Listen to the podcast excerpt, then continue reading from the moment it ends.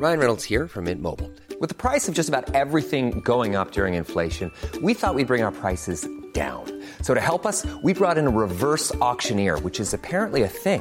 Mint Mobile unlimited premium wireless. Ready to get 30, 30, bit to get 30, bit to get 20, 20, 20, bit to get 20, 20, bit to get 15, 15, 15, 15 just 15 bucks a month. So, Give it a try at mintmobile.com slash switch.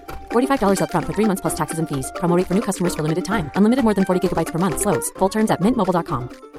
Hey, it's Danny Pellegrino from Everything Iconic. Ready to upgrade your style game without blowing your budget? Check out Quince. They've got all the good stuff shirts and polos, activewear, and fine leather goods, all at 50 to 80% less than other high end brands. And the best part? They're all about safe, ethical, and responsible manufacturing. Get that luxury vibe without the luxury price tag. Hit up quince.com slash upgrade for free shipping and 365 day returns on your next order. That's quince.com slash upgrade.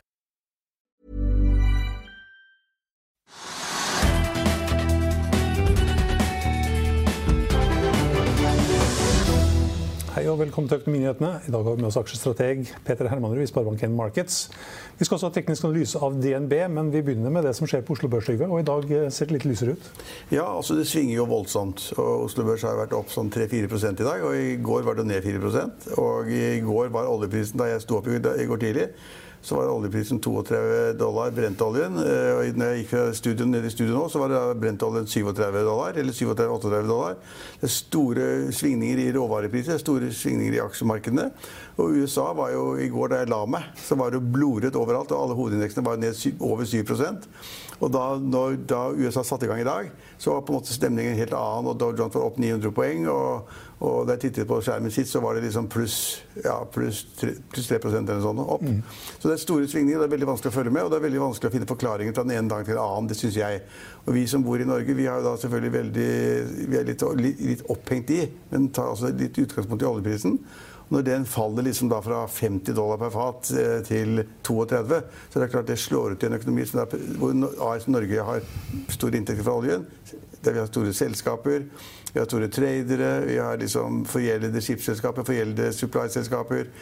Eh, og alle vet at den enkle teorien er, Man bør ikke gå på skolen for å vite det. det er at Hvis oljeprisen stiger mye, så har oljeselskapene mer penger. De tjener mer når de selger oljen.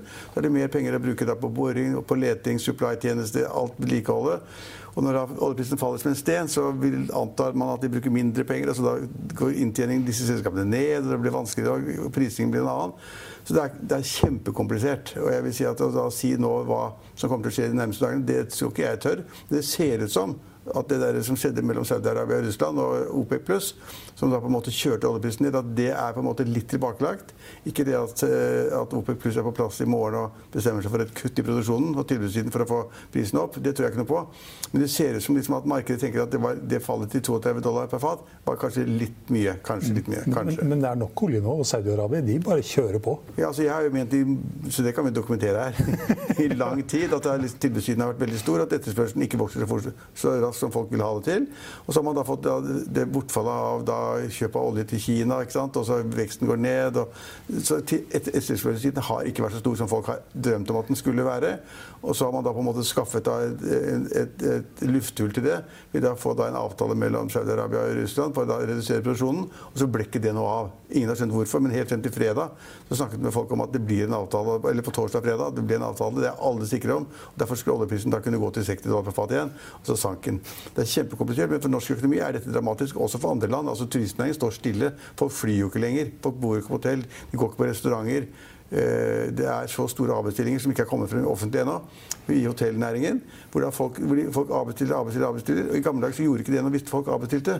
For det var så mange som booket nye. Ikke sant? Det var liksom der, så i, I pipeline så ble det hele tiden pumpet på nye ting. Nå er det ingen som bestiller hotell i det hele tatt. altså satt på spissen, Og det er avbestilling hele veien. Så hotellnæringen og turistnæringen og det, er, altså det er ikke ett flyselskap som ikke nå daglig kommer nye meldinger om ruter som er lagt ned, redusert, eh, mindre fly. altså alt Alt tas ned i turistnæringen, og det kommer vi ikke unna nå.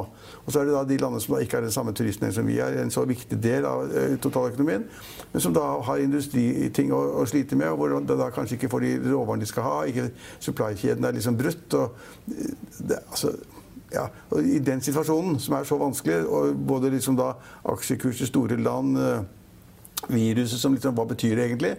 Og da å kunne spå noe om aksjekursen, det tør ikke jeg gjøre. Jeg sier bare at det er, det er ikke over. Det er masse som kommer. Vi er ikke ferdig med det.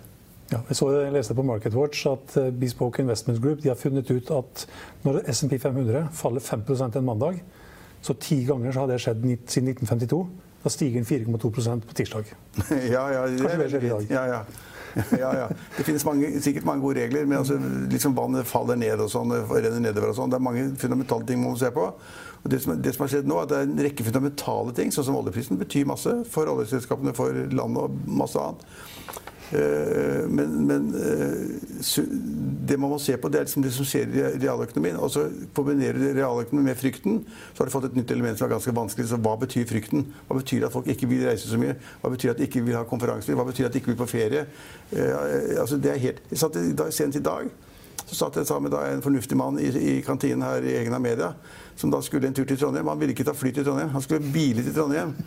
Eh, Og han sa ikke noe om hvor han skulle bo, men hans kone, hans kone skulle på en tur til, til et eller annet sted i Spania og lurte på om hun skulle reise.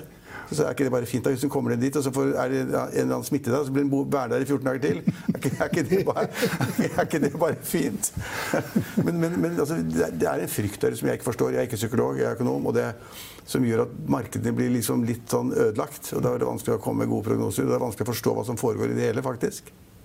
Vi har med oss eh, aksjestrateg Peter Hermanrud, som skal treffe ganske, eller få høre med ganske raskt. Men skal vi ta et par ord om eh, krisetiltakene fra regjeringen? Ja, nå har ikke de kommet konkret. Da. Jeg bare kommet forslag i hvert fall? Nei, det har kommet, om, altså, det har kommet ikke konkrete forslag, de kom på fredag. Så vidt jeg har forstått det, jeg har bare lynraskt sett på det, så vil det komme et eller annet med- permitteringer. Det er bra. Altså Hvis bedrifter, enten, enten reiselivsnæringen eller andre steder, permitterer Hvis staten overtar da de dagpoengkostnadene som bedriftene ellers ville fått, så er det en veldig lettelse. Det, så det bør komme. Det er et veldig enkelt eh, tiltak. Det som ikke har sagt noe om, det er det at hvis de tar, altså betaler så arbeidsgivers, arbeidsgiveravgiften, som er et konkret ja, aktivt tiltak, og som da, hvor den forfaller akkurat nå, vil folk forstå. Og så har det kommet noe tull om formuesskatt eller noe sånt. Altså Bedriftene betaler ikke formuesskatt, det er jo Hermanrud eller jeg som betaler formuesskatt. Og, og, og da må det liksom avledes av bedriftene. Altså det når det har kommet noe surr. Og hvis selskapene går med underskudd nå, så skal de kunne få føre det Ja. tilbake til tidligere overskudd. hvis de Ja, det. og det har, det har skjedd en gang før. Jeg husker ikke hvilket år. Det, så jeg, det har skjedd før. Det var ganske effektivt, faktisk. Men da- man sparer jo ikke med den skattesatsen. Men det er klart at hvis du har et par selskap, hotellselskaper utover i landet eller noe annet, som taper 5 eller 10 millioner kroner, og du syns at det er fælt, og du lurer på om du skal stenge ned, eller om du skal liksom gå i banken og låne penger for å drive videre, så er det greit å vite det at du kan ta det underskuddet du får i år. Og ta det mot da tidligere års overskudd hvor du betalte skatt. Det er et effektivt og greit tiltak. Få igjen på skatten, da. De får igjen på skatten, ja. Og det, det kan de gjennomføre. Så det, det, jeg husker ikke hvilket år det var. Da kunne jeg eh, gått tilbake i praksis, men det kan- jeg ikke. Det er bra. Og så er det permitterings, hvis du gjør noe med permitteringsgreiene, at staten tar de kostnadene, det er bra. Og så er det, er det Utsettelse på formuesskatten. det er noe surr, altså. Fordi at, jeg tror ikke regjeringen, regjeringen vet nok at ikke det er bedriftene som betaler formuesskatten. Men det er eierne er avhengig av hvordan det går i selskapet. Men det er så, for det første er det evig langt frem, og så er det formuesskatten er 1,1 altså det er ja, altså, det der skjønte jeg ikke noe i det hele tatt. Vi får vente og se. Fredag kommer, ta, kommer da de konkrete forslagene. De er nødt til å gjøre noe, for det er såpass mye negativt i, i næringslivet nå som folk ikke helt får frem. Og du kan få altså da kjempepermitteringsbølger. Og du kan, det jeg tror, men det er sånn litt sånn fandenivoldsk, jeg tror at du, får en kraftig økning i sykefraværet. Folk går til arbeidsgiveren og sier at liksom, du trenger jo ikke meg nå og sånn, og kan ikke heller være syk før jeg blir smittet av et eller annet. Og så går de hjem og så har de litt vondt i kne, og så blir de sykemeldt, og så blir arbeidsstokken da redusert ned. Det er masse som kommer til å skje. Masse. Velkommen tilbake, Petter Hermanrud. Takk. Det er spennende tider. Hva er pris bok på Oslo Børs nå etter fallet? Eh, Den var, I går sluttet den på 1,60. Og i dag er den da eh, 1,65 omtrent. Er det kjøp, eller? Ja, så På det nivået på 1,6 så har det hittil alltid gitt god avkastning. Hvis du sitter tre år, vel å merke. Det kan godt gå masse opp og ned, men det er bare at på en lang horisont så er dette bra. Så er det en god, kjøpsmulighet. Så det er derfor du sa i går det at liksom, nå er det bare å kjøpe alt du kan, for alt er eh, skita billig. Nesten noen Sissener. Hva er det, er Sissener pleide å si? Møkkabillig. Møkkabillig. Det sa du ikke. Nei, nei, jeg sa bare det. Det er egentlig på tre dagers sikt, og på tre års sikt så er det bra. Og litt tre måneders sikt er jeg usikker på. Tre års sikt så er det bare at det er billig, eh, og det er så billig, og at i løpet av tre år har denne, også denne krisen gått over uansett. Og da får du god avkastning. På tre dagers sikt så sa jeg bare det at det er noe med at frykten for noe som plutselig oppstår, den sprer seg som et virus gjennom aksjemarkedet. Og jeg har hatt en sånn tolvdagersregel på at det tar ca. tolv dager eh, på en måte fra et eller annet som begivenhet skjer, til børsen bunner. Og det var i dag eller i går, litt avhengig av definisjon. Så jeg sa at nå er vi på tolv dager. Og det tredje var faktisk At jeg sa at den vunnet i går eller i dag? ja, ja. At det skulle, på kort sikt så er det sånn der, veldig ofte omtrent der det er. Og den tredje grunnen på det kortsiktige var bare det at vi har alltid snakket om at når New York får panikk, altså når det kommer karantene eller, eller unntakstilstand i New York, det er typisk også et tidspunkt hvor folk får alvor på, i Wall Street får øynene opp for dette. Og da vil det typisk også falle for mye. Så, så kort sikt så er det sånn en overreaksjon. Så vet vi ingenting egentlig. Altså, det kan gå bra, og det kan gå katastrofalt dårlig økonomi igjen neste året.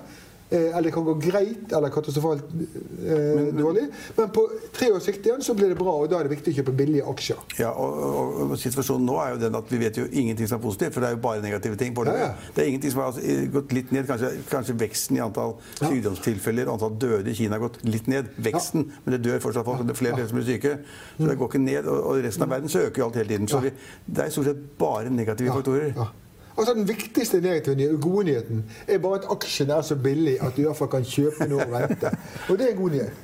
Og så er det i og for seg altså I Kina hvis du skal tro de tallene, så er det faktisk nesten ingen smittet. Altså, det er jo helt meningsløst at Norge har tiltak mot folk som kommer fra Kina. For Kina burde ha tiltak mot folk som kommer fra Norge. For vi har en vesentlig, bortsett fra Hubei, har vi en mye høyere smitterate enn noen regioner i Kina. Ja. Faktisk. Eh, Men den gode Og Korea har også blitt bra. Korea har faktisk også hvor mange, hvor mange døde har vi i Norge hittil? Null.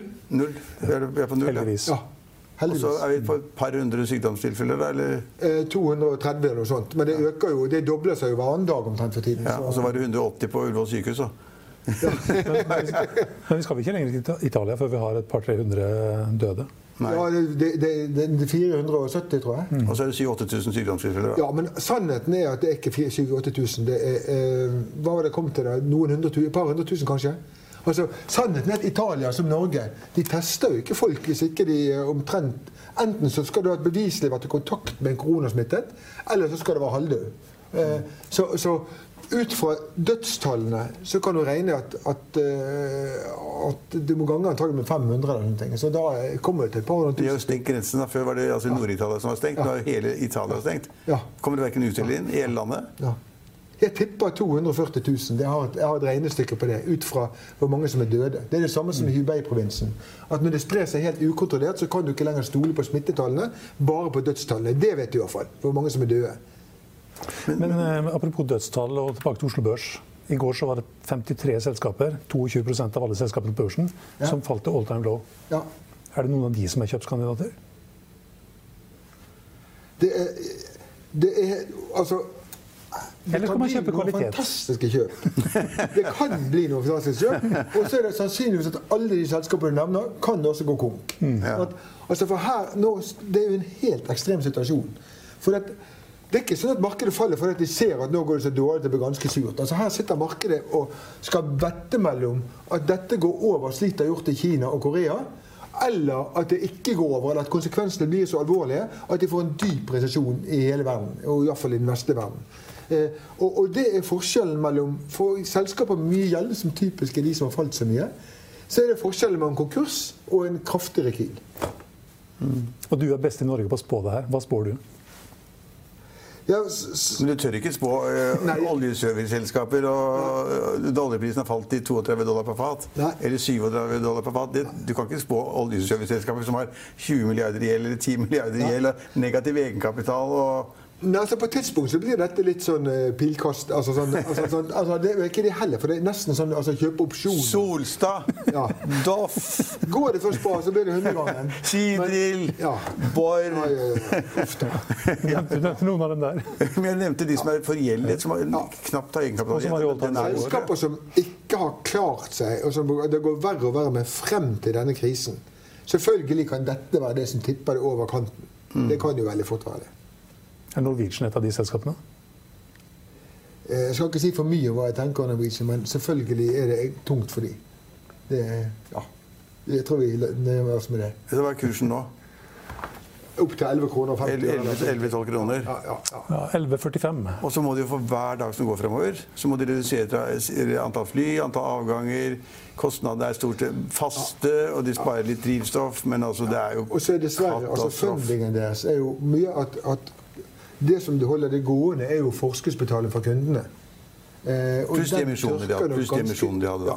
Ja, ja, det holder en stund. Men det er bare at når du mister forskuddsbetalingen, så blir kontantsituasjonen veldig mye mer dramatisk veldig kjapt. Eh, men der kan jo komme tiltak også, sånn å si. Altså, Myndighetene ja, kommer med det Vi kan komme tiltak og dette er jo typisk det hvor det kan være at de på en måte skal prøve å hjelpe selskapene gjennom, fordi det, det, situasjonen er så ekstrem. Men de kan jo ikke kjøpe flyplasser. Nei, flyplassseter. Nei, nei, nei. De kan, ikke betale, de kan ikke betale for fuelen heller. Nei, nei. kan de ta bort seteavgiften. De, de kan ta bort seteavgiften. Og det gjør at det blir litt billigere for uh, oss å reise. Men vil vi reise til Roma eller Barcelona eller er. Sør-Korea eller Kina, selv om de setter prisen litt ned nå? Nei, nei, nei, ikke jeg, i hvert fall. Nei. Nei, jeg vet jo hvor fullt det er på flyene nå. Fra, selv til Bergen er det ikke folk lenger. Nei, det er akkurat det. 10 belegg eller noen sånne ting. Det er helt, ja, det er helt skrekkelig. Altså, man skal jo nesten ikke smile av det, men det er skrekkelig. Ja. Så, så, de har, så regjeringen kan jo nesten ikke komme med tiltak. De kan, de kan ta bort fly, flypassasjeravgiften. Ikke- Kan de gjøre. Ja. De kan kanskje altså noen kriselån-type situasjon. Jeg vet ikke. Altså, da sparer du 50 kroner hvis du skal til Tromsø. Altså, ja, ja, det hjelper ikke. Så det må være mer krisesituasjon. Å si at dette er en ekstrem, spesiell, midlertidig situasjon. Men det er veldig vanskelig for de å gjøre det.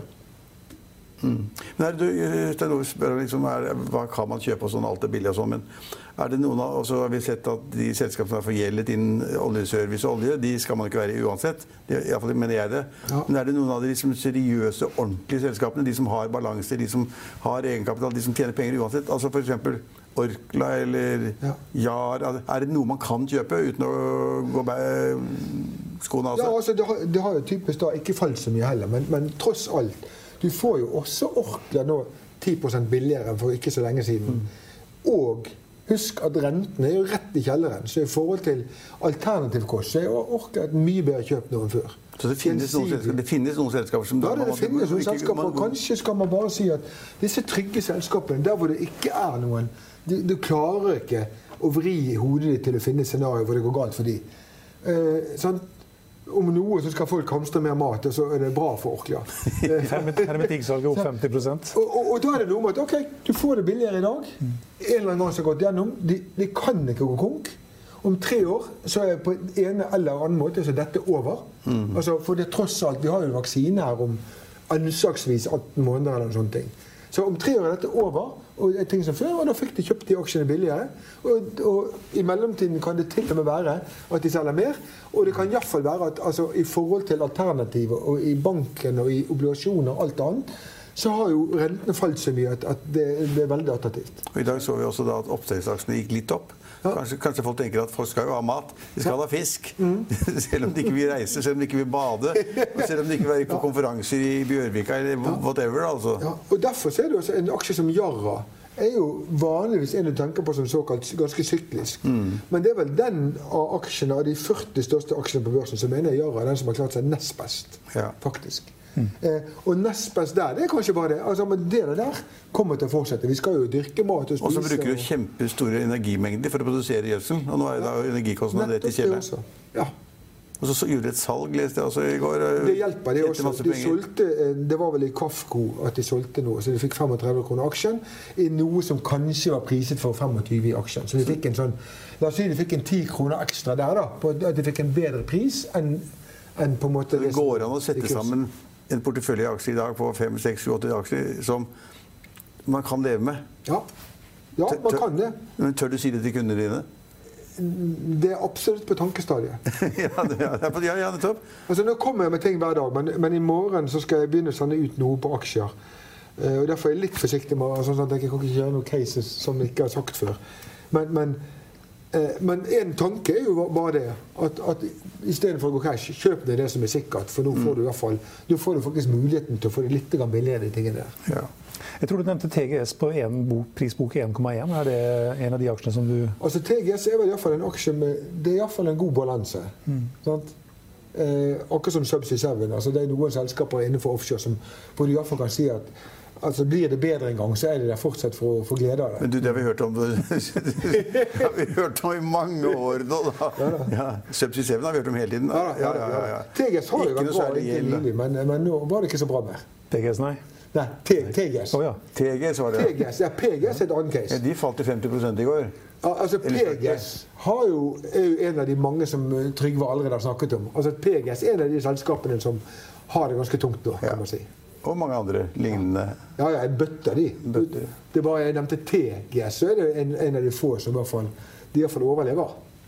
Shipping har klart seg ganske bra den siste uka, og Ja. spesielt Frontline. Ja. Er det forbigående, eller er det noe som kan vare? Jeg frykter at det er forbigående. Altså I første omgang så er vel caset at hvis Saudi-Arabia skal pumpe opp mye mer olje, så skal den enten fraktes ut, så blir det mer frakt olje, eller så skal den lagres, og da legger du beslag på, på skip som skal lagre det, og da er det mindre kapasitet for å frakte olje. Så begge de scenarioene så er det bra, og så er det i et marked som allerede er ganske stramt, så kan det plutselig bli veldig bra. Men lengre frem, hvis markedet er litt rett her, hvis det blir dårligere vekst, en lav oljepris og dårlig vekst i økonomiene, Så så, skal jo shale skvises ut, da. Ja. Eh, altså jo mer Saudi produserer jo mer, og selger, jo mindre da, må de, da skal du skvise ut shale. Mm. Og, og fraktdistansen på olje fra USA er mye lengre fraktdistansen for olje fra Saudi-Arabia. Så caset har jo vært på frontline at nå skal liksom Shale fortsetter å vokse, og da blir fraktdistansen lengre, og det er bra for tank. Nå ser vi for oss det motsatte, nemlig at nå er det Saudi-Arabia som skal øke. Og Shale det går jo ikke over natten, men i løpet av seks måneder nå så skal du se at produksjonen av Shale begynner å falle med disse oljeprisene, så plutselig så skal jo eksporten stoppe helt opp i USA, så begynner å, gå i minus. USA har jo hatt en produksjon på 11-12 millioner fat. Ja. Det har vært eh, mye mer enn alle har trodd. ikke sant? Og, og nå skal det vekk. Ja. For alle mener nå at shale er så kostbar i produksjon Ja. at de kan ikke leve med 30-40 dollar per fat. Ja, altså Forskjellen er jo at norsk produksjon fortsetter som før. Ja, Når de først har bygget ut feltene, så koster det ingenting. Men shale-produksjonen, de, det som er bygget og pumpa, det kommer til å fortsette å pumpe. Men det er bare at produksjonen faller, halverer seg jo på de i løpet av et år. Så de må hele tiden ha nye felt, og nye og bore og bore og bore. Og med de prisene her, og den lønnsomheten de har, så blir det ikke funding for det. Så da vil det tørke opp. Men du, tank, altså En dag så er ratene 100 000 dollar per dagen, og neste dag så er det 15 000. Ja. Man kan ikke, det får man hjerteinfarkt av. Mavesåra. Noen syns det er morsomt. Dette. Det kan jeg for- forstå. Ungdommen i dag de syns det er helt herlig. Jeg syns forstår det var ikke. 20 år ja. gammel. Sving, svingen er jo så stor på ratene at det er jo helt hinsides. ikke sant? Og det, I et par måneder så står det da meldinger i, også hos oss, Finansavisen, en og andre, til at liksom nå er det ratene til himmels, alle tjener penger. Og så går det tre uker, og så er det ratene i, i dass, og det er altså 10 000 dollar dagen eller sånn. da. Ja. Og sånn er det i Tøylas også. Ja. Nei, han, han kan ikke være shipping lenger. Men akkurat nå så er det, det er noen sånne store spørsmål rundt shipping også. og det er, altså Globaliseringen er i revers for tiden. Og, og den er i revers fordi at Trump gjør sine handelshindringer. Europa kommer til å gjøre sine ting pga. klima. Eh, og så kommer denne krisen her som gjør at man erfarer det at, at når varene skal sendes ti ganger rundt verden og legger på nye varer, så er det et eller annet sted så skjærer det seg i verdikjeden. Så jeg tror jo at, at, at, at det blir mindre frakt fremover. Både på miljø og pga. det som skjer nå. Og det er ikke bra for shipping sånn helt generelt. Iallfall container, som er åpenbart. ja, Container er helt håpløst, selvfølgelig, for da skal man jo bare lempe inn motorsykler og sekker og varer. og sur. Men bare ta på det altså Valenius Wilhelmsen. Solid, ordentlig rederi. Ja, ja. Drevet i 150 år og alt er riktig. Og så har de en stor del av deres business er å frakte da skiv, biler fra Europa til Kina. Og vice versa, for øvrig. Og plutselig så er det da salget av biler i Kina ned 90 Ja. Hvor mange skip trenger de til å frakte bilene da? Nei. Ingen. Nei, nei, nei. Altså, volumet kaller kanskje, jeg tipper at volumet på de der bilskipene har falt med 50 det. Ja. Ja, og, og fortsetter det, så blir det enda verre enn det også. Ja, ja. Og så prøver de å fylle opp med sånne traktorer, bondemaskiner, landbruksmaskiner og sånn. Og så, hvis det faller også ikke sant? Er, Shipping er vanskelig, Peder. Ja, shipping er vanskelig. Det er ja, shipping er vanskelig. vanskelig. Det er veldig morsomt. Jeg syns det er kjempegøy. Ja. men, men det er veldig mange ting som kommer rett inn fra siden og slår deg i kileving, Ja. som du ikke har tenkt på. Altså I skippermarkedet altså Mye av grunnen til at det var så fantastisk, var jo at plutselig så tok i, i fjor høst var at USA Trump plutselig tar sanksjoner mot noen skip. Slik at de ble ute av flåten. Og plutselig så er det mangel på kapasitet. Ikke fordi at det er en sånn gryende ubalanse som man kunne se. Men plutselig en dag så skjedde det. Han bestemte at hele den flåten til Kina ikke kunne brukes. Ja, hele For den hadde vært, den hadde vært i Iran. Ja, Det, det, det kunne man ikke ha. Ja, men, men sånne ting ja, Sånn er det i shipping. Ja, ja, nei, Derfor kan man ikke være i shipping. Det, er nesten som lotto eller sånn pokerspill. Det er helt- lotto, det litt helt. Mm. vanvittig, altså. Bank er kanskje tryggere. Vi så vi kunne få DNB på 100 kroner i går, og det var en bråte med innsidere som kjøpte. Ja. Var det et Det er oppe i dag òg. 4-5 Ja. Ja, altså bank Det har slått meg litt at bank har vært merkelig, iallfall norske banker. Altså En ting jeg liker om bank akkurat i dag, det er at jeg ser at norske banker har falt mye mer enn utenlandske. Ok, De har mer oljeeksponering, men det er jo ikke mye oljeeksponering i de norske bankene. Altså I, i prosent og sånne ting. Det blir ikke sånne enorme tall av det. Nei, men I går var det noen som måtte, fikk infarkt da DNB falt 19% eller sånn ja, Ja. i morgentimene. Ja. Altså, det sikreste i verden er DNB, og alle har kjøpt og kjøpt og akkumulert aksjer. Mm. Og Så våkner du på og så slår du på, øh, på, på PC-en din, og så ser du, da, så ser du at liksom, DNB har falt 19 Ja. Da får du infarkt, da. For hva skal du da kjøpe, liksom? Det blir bedre i løpet av dagen. Da, men. Så det eneste med DNB er at det er fristende, men det er klart at, at vi vet fra historien at bankene klarer seg utmerket i moderate nedturer. Hvis det er bare en forsiktig nedtur, og det blir surt et år eller to, ganske surt, så klarer det seg fint. Men dype nedturer generelt, det klarer ikke bankene. Eh, og selv om de er mye bedre kapitalisert nå, så er det alltid den Blir det ille nok, dette her, så går det utover bankene. Altså Vi kan tenke tap i turistnæringen og reiseliv og servicenæringer og sånne ting. Så kanskje kan det bli nok til at det, det ikke blir bra likevel. Men det er iallfall fristende å kjøpe DNB i forhold til f.eks. Det må jo være bra. Det tror jeg blir bra. Hiring for your small business? If you're not looking for professionals on LinkedIn, you're looking in the wrong place. That's like looking for your car keys in a fish tank. LinkedIn helps you hire professionals you can't find anywhere else, even those who aren't actively searching for a new job but might be open to the perfect role. In a given month, over 70% of LinkedIn users don't even visit other leading job sites. So start looking in the right place. With LinkedIn, you can hire professionals like a professional. Post your free job on linkedin.com/people slash people today. I'll see you in court. Vi sier det ofte litt på spøk, men for deg som driver business, er det aldri moro å innse at du ikke har laget en 100 gyldig kontrakt. Du bør ikke risikere hele firmaet ditt fordi du synes dette med kontrakter er litt stress. En avtale er ikke en avtale. Du kan miste kunder, miste venner, ja, til og med miste inntekter om du ikke lager en skikkelig kontrakt, på alt mulig, egentlig. Men vi vet det er et styr. Kopimaskiner, tregprinter og haugevis av papir. Dessuten stoler vi jo på folk her i landet. Det er ofte litt kleint å skulle be om en signatur for alt mulig, ja, for mye av styret handler også om jakten på underskriften. Det finnes en enkel måte å løse dette på, Dukkobit, en trygg, effektiv og get this, gratis måte å sikre seg en god natts søvn pluss en juridisk bindende avtale. Dukkobit-appen har de strengeste sikkerhetskrav i bunn, samt en EU-godkjent og sertifisert teknologi. Framover vil det bli behagelig å spørre du, skal vi skrive under på det, eller? Kom i gang på dokobit.no. Jeg ser alle de flinke folkene som kan regne i Norge, som da har tjent masse penger på å ha alle pengene sine i sparebanker de siste par årene.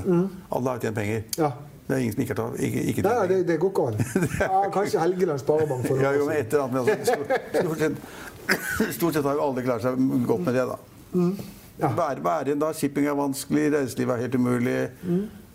Så er det et par store industriselskaper, og så Ja. Hva, hva skal du da satse på? Kid? Europris? Ja. XXL. XXL? Nei, det, det, det går ikke an å anbefale XXL er litt gambling igjen. Det, det, det, Det er pokerspill, det er ikke ja. gambling, det er pokerspill. Ja, Det. det er pokerspill, men det er selvfølgelig selskaper med for mye gjeld er alltid vanskelig sånn som det er nå. For det neste finansieringsrunde, sånn som markedet er nå, så kan det bli vanskelig hvis, hvis det fortsetter å være litt vanskelig litt for lenge. Eh, Kid Europris Men du, liker jeg veldig godt. Men før du går, Det før, før du går dit da XXL kan være, Det morsomste reklamen jeg ser for tiden på TV, Ja. det er da at XXL har reklame for at her er lagrene våre. Det er kjempehaller, alt er fullt, vi vet ikke hva vi skal gjøre av det. Så må komme og kjøpe varene våre nå. Ja. Da forteller jo det at de har altså vanvittige lagre som de har problemer med å få solgt. Og hvis du er så snill å komme, skal du få kjøpe det billig. Ja. Men hva blir er varelageret da verdt? Nei, det er akkurat. Elendig reklame. Ok, unnskyld meg, det var ikke Ja, ja, men jeg er litt redd for Jeg tenker også konsekvensen på lengre sikt av det de driver med nå. For det, altså, nå kjøper jeg skistaver og, og, og altså, ting som jeg trenger. I mange år fremover. Kjøper jeg det nå for mange år fremover? Ja, faktisk. Ja, du bruker mye, av det Ja, ja, ja. Du er er, ja, men du, du gjør det. Jeg er storkunde på sånne ting. vet du. ja, ja, ja, men det, de, de, de kommer jo ikke opp igjen. Altså, de kommer sikkert opp igjen en gang, men de kommer jo ikke opp igjen. Ja. Men det blir for vanskelig for meg nå. Altså, da, da må du være da må du være godt inn i regnearkene for å finregne. Ja, det, da må du regne på ting som ikke er mulig å regne på. Ja, ja, ja. Men Kid og Europris Det er, det er jo flotte selskaper. De har vært flinke i fryktelig mange år. og og, og jeg tror Det tørker jo ikke så ut i økonomien at, at liksom folk stopper. altså Om noe så kan du tenke at du heller går på europris, for det er billig der. Eller går og kjøper puter og Ja, ja, ja. Har ikke råd til å kjøpe eh, bil og båt, men, men noen puter har vi råd til. Noen puter og en gardin. Og vanligvis har det vært snakket om reisen. Ok, vi, vi kjøper ikke de store tingene, men vi tar oss en reise istedenfor. Men det gjør du heller ikke. Og da ender du på sengetøy og puter. Og så er eieren, og så er eieren en superkrimmer og er flink til å regne på ting. Ja det er super, supervanskelig. så- Ja, ja, kjempebra. Ja, kjempebra. Så det er bra. Det er Kid og det er Europris. Begge deler. Selv om altså, Europris er alltid litt vanskelig pga. at det er blitt et sjef, og du vet ikke, det funket bra med den gamle, men sannsynligvis veldig bra. I går var det en historisk dag. Ja. Kan du sammenligne gårsdagen med andre dager som vi har opplevd? ja altså, eh, altså Det klart nærmeste jeg kommer, er faktisk September 11. 11. september 2001.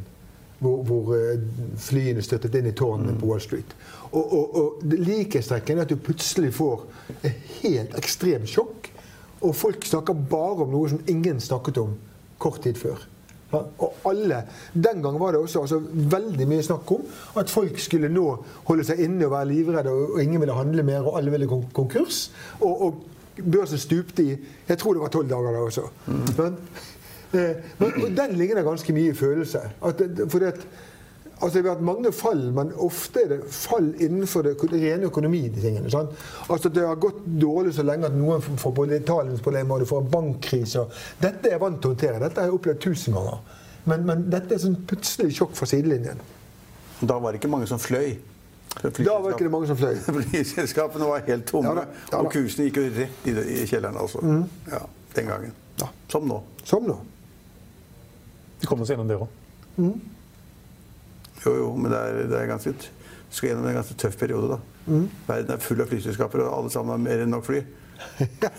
mer enn nok fly, og så, så er det ingen passasjerer. Det sn- det snakkes mye om at koronaviruset ja, Ja, jeg skulle nevne for i sted, Vi snakket litt om Yara i sted, så jeg har vært veldig positiv til veldig lenge. Akkurat nå syns jeg jeg stusser litt på at Yara har klart seg så fantastisk bra i det siste. Eh, altså Den er den som har klart seg nest best av 40 aksjer. Jeg glemte vel å si det, men, men at jeg tenker at det er kanskje litt for mye av det gode. Og også at den har klart seg så bra mot andre gjødselaksjer. Altså, ja, det, har, det er flott at de solgte Kafko til en god pris, men jeg, kanskje akkurat nå er ikke timingen så god der. Selv om jeg liker den på lang En annen aksje som ligger veldig nære Yara i dag, Aker BP. Ja. Er det en god aksje nå? Altså, Aker BP klarer seg jo fint gjennom, eh, gjennom ting. Falt som en stein. Jeg, jeg klarer ikke å tro at verken at det Saudi-Arabia gjør, er så varig, eller at korona får så stor effekt. Jeg tipper det kan bli ganske bra å sitte med oljeselskap. Men, men, men, men Og Aker BP og Equinor. jo, jo, det er et oljeselskap, og det, de tjener penger, men altså, de tjener mindre når det er Selvfølgelig, når kursen er ned. Når, når, når, når, prisen er 32 dollar istedenfor 70 dollar. Ja, ja. Altså, hadde kursen vært ned 10% så hadde jeg sagt bare kom deg ut. Men når kursen er ned så ekstremt mye, så ser jeg litt mer ja, men det er et nivå hvor markedet sier at ja, det blir dårlig en stund, men de står den gjennom. Og om to år så skal de bøtte med penger. Det er utbyttene. Ja, kanskje klarer de det ikke noe. Kansellerer kanskje det, da. Vet du, de, lovet utbytter hvert år. Ja. De øker 100 millioner dollar i året eller noe. ja, det skal det. Ja. Ja, ja, men- det spørs selvfølgelig. Kommer de til noe? Det vet jeg ikke. ja. Det er godt mulig at de er nødt til å endre på det hvis prisen, prisen blir for lav. Men, men det er litt fristende. Det er litt fristende, altså. Det er så lav som det der. Ja, det mange, mange, i hvert fall i Norge, ser på oljeprisen og det er ille for Norge. Selvfølgelig er det det. Ja. Men eh, hvis man ser at eh, den globale økonomien går i en litt vanskelig periode, Ja. så er en lav oljepris en form for en buffer. Det vil hjelpe, ja. Jeg tror jo at, at først av alt, når vi snakker markedet, som jeg først og fremst gjør, så er ikke det dette skjer i oljemarkedet med Saudi-Arabia som er det viktig å fokusere på. Det er korona. Altså, Tyskland stupte jo like mye som Norge i går omtrent. sant? Det er ikke noen oljeaksjer der, og det er ingen serviceselskaper som skal sparke folk. Eh, Så, så, så dette er mest det. Og så er det i, når du får en svekkelse i økonomien, så faller oljeprisen. For etterspørselen faller uansett. Og så hadde man håpet at denne gang kunne Saudi-Arabia redde det gjennom å kutte produksjonen sånn noenlunde, og så skjer ikke det. Men først av alt er det bare det at får vi økonomien tilbake igjen, så får vi oljeetterspørselen tilbake igjen. Og da blir det fantastisk bra å kjøpe de oljeaksjene. Så litt fristende. Litt sånn, ja ja. Ja, men også, også vanskelig å sitte og se på disse oljeaksjene der og 3 opp en dag, så er det 4 ne, Ja, ja. neste dag. Nei, det er jo slitsomt, altså. Ja da. Men det er igjen eh, Kanskje kommer altså Nå er det som alle aksjer at de er og, og det kan godt være 5 rett ned igjen i morgen. Det vil ikke Ja. være noe overraskende i det hele tatt, syns jeg. Så, så, så, Da kjøper mer i morgen, da. ja, men det er litt sånn Ja, i dag ville ikke jeg kjøpt det, egentlig. Ikke på den rekylen. Den ville jeg ikke kjøpt på. altså. I dag er det ikke en god dag å kjøpe. Men hvis det kommer et nytt fall i morgen, da Ja, kanskje hvis det får dypt ned igjen. Altså. Jeg syns det var ned mot 700 og sånn, sånn som jeg ser verden nå. Ned mot 700 på indeksen. Så er det, da er det sånn at whisky var det så god. i dag er det 7,55 eller noe Ja, nå var det 60-70, trodde jeg. Jeg tror det var 7,55 eller Ja, men, men det går seg vidt. 750. Ja, det går opp og ned at det er jo helt Uh... Ja, vi var jo nede i 701 i går. ja, ja, Ned over 30% fra toppen. ja. Og, da, og da begynner liksom da begynner det, ja, det er noe med det. altså. Jeg er veldig der at, eh, at hvis kursene reflekterer nesten sikkerhet på at dette går galt, så vil jeg kjøpe. For det er veldig godt håp om at det faktisk går over ganske kjapt. Men går, men Og hvis kursene reflekterer at det går går over, så er det selge. For det, det går ikke over. Altså, de har ikke, vaksine har man jo ikke. Neida. Og det er kanskje 60 eller 70 fabrikker i i verden som da Ja. prøver å lage en vaksine. Ja. Og så tar det ett år eller to år. Ja, man men- må jo stoppe altså, spredningen. ja, men det går over fordi tiltakene hjelper. Fordi Ja, ja, hvis de får til det, så. I Kina så er det antall smittede per million innbyggere nå. Utenom Hubei så er det meste de har to per million innbyggere. Vet du hva det er? Det er, det er som om det skulle være elleve smittet i Norge. Så det er ingenting. Men de stengte- det er her de det smittede folk, ikke i Kina. de har klart alt sammen. Ja, de stengte alt. Men, men poenget er at tre ukers fullstendig nedstenging Det er bare at vi alle går hjem og sitter i, hus, i leilighetene og ikke beveger oss, så i løpet av tre uker så vet vi hvem som er syk. Og resten blir ikke smittet, og vi kan fortsette omtrent Så du håper å kunne gå ned på Karl Johan tomt, og Ja, ja, ja. all- all- alle, restaurantene er tomme, hotellene er tomme. Men, men Kina gjorde det sånn. Korea gjorde det mer eller mindre sånn. Og de har klart det, tross alt. Så, så jeg bare sier at det kan være at nå det går litt tid nå, og så tar vi det så alvorlig at vi faktisk gjør nok tiltak. Men du, hvis, hvis dere fant en som smittet hos dere, Ja, ville alle de andre da jobbet hjemmefra? ja. Ja. Det tror jeg. Ja, det tror jeg også. også. Ja. Det er ganske viktig at man da på en måte setter grenser og gjør at liksom Og så ser du nå forandrer seg hver eneste dag. Og det kommer til å forandre seg. Altså Nye regler, nye måter å oppføre seg på hver eneste gang. Snart kommer vi alltid til å ha såre i håndbaken når vi vasker hendene så ofte.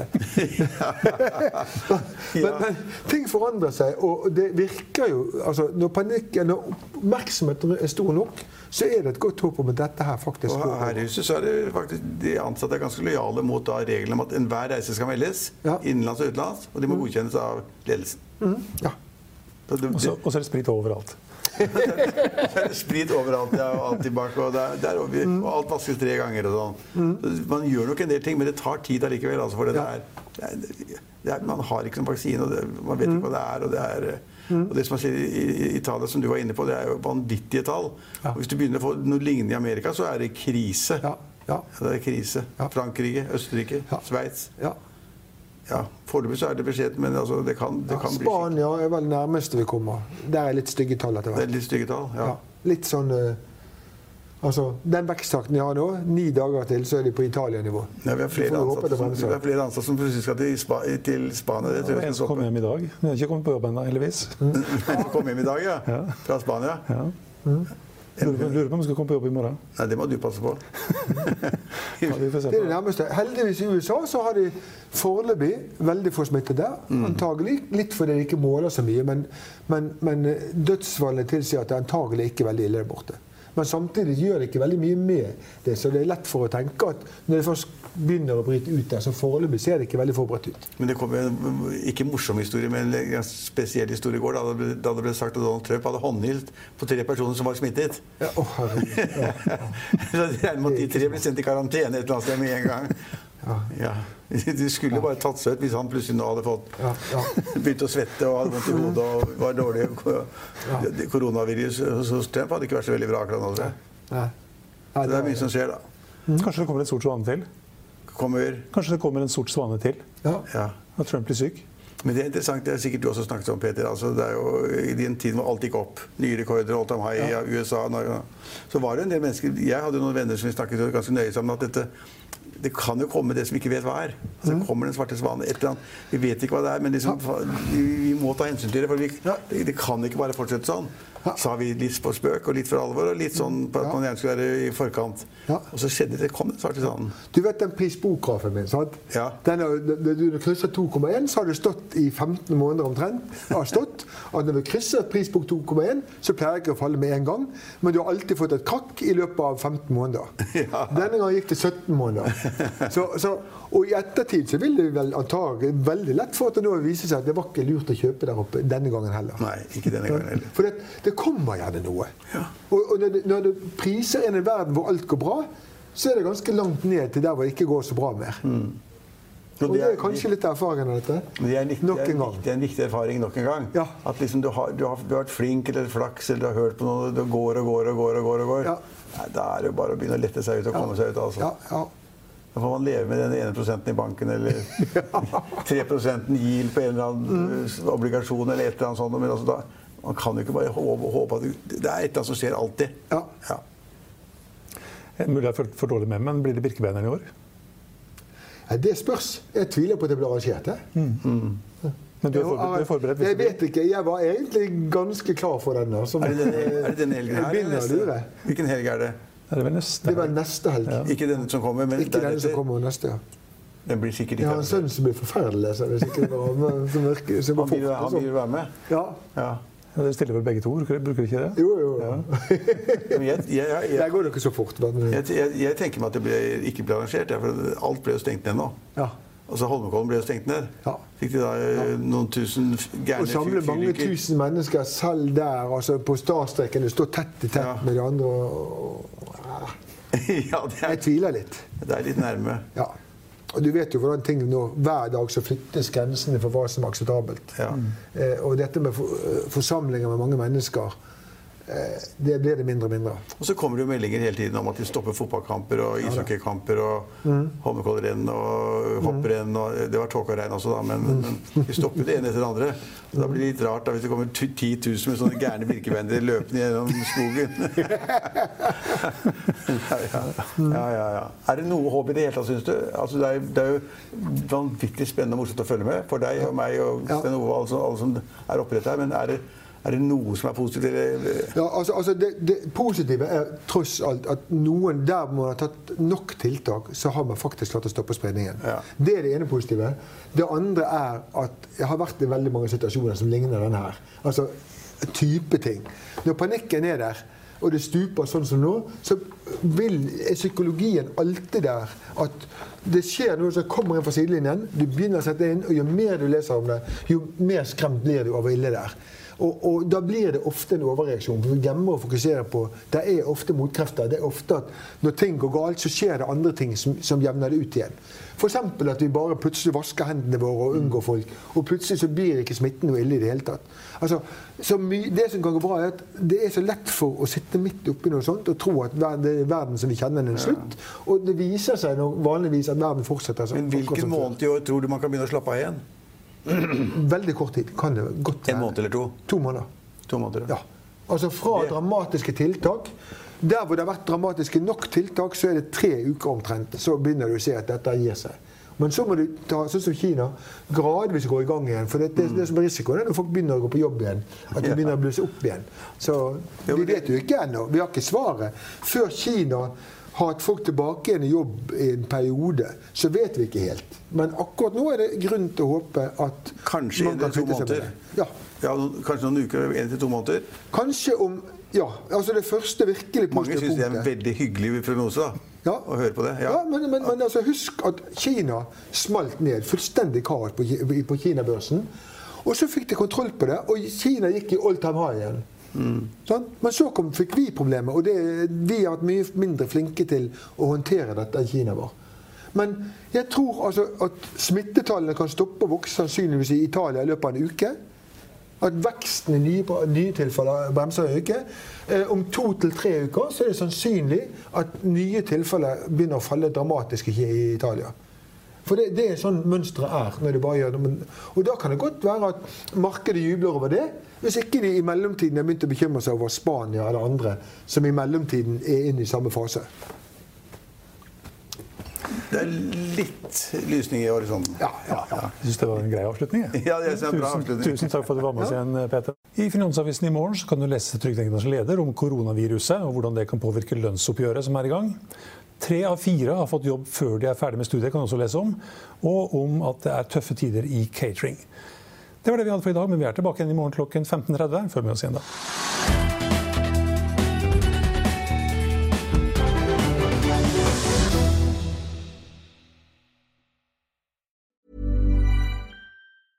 Planning for your next trip? Elevate your travel style with Quince. Quince has all the jet setting essentials you'll want for your next getaway, like European linen, premium luggage options, buttery soft Italian leather bags, and so much more. And is all priced at 50 to 80% less than similar brands. Plus, Quince only works with factories that use safe and ethical manufacturing practices. Pack your bags with high-quality essentials you'll be wearing for vacations to come with Quince. Go to quince.com slash pack for free shipping and 365-day returns. When you make decisions for your company, you look for the no-brainers. And if you have a lot of mailing to do, stamps.com is the ultimate no-brainer. It streamlines your processes to make your business more efficient, which makes you less busy. Mail checks, invoices, legal documents, and everything you need to keep your business running with stamps.com. Seamlessly connect with every major marketplace and shopping cart. Schedule package pickups and see your cheapest and fastest shipping options from different carriers with rates up to 89% off USPS and UPS rates. And with the stamps.com mobile app, you can take care of mailing and shipping wherever you are. Make the same no-brainer decision as over 1 million other businesses with stamps.com. Sign up with code program for a 4-week trial plus free postage and a free digital scale. No long-term commitments or contracts. That's stamps.com. Code program. Sick of being upsold at gyms? My guy, you're currently a base member. For $90 more, I can upgrade you to our Shred membership. For 130 more, you'll be a Swole member. And for just $300 more, you'll reach Sweat Platinum. At Planet Fitness, you'll get energy without the upsell. Never pushy, always free fitness training and equipment for every workout. It's fitness that fits your budget.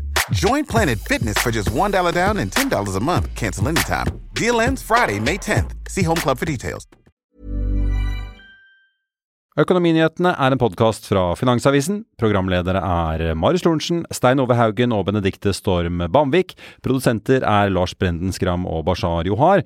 Og ansvarlig redaktør er Trygve Hegnar.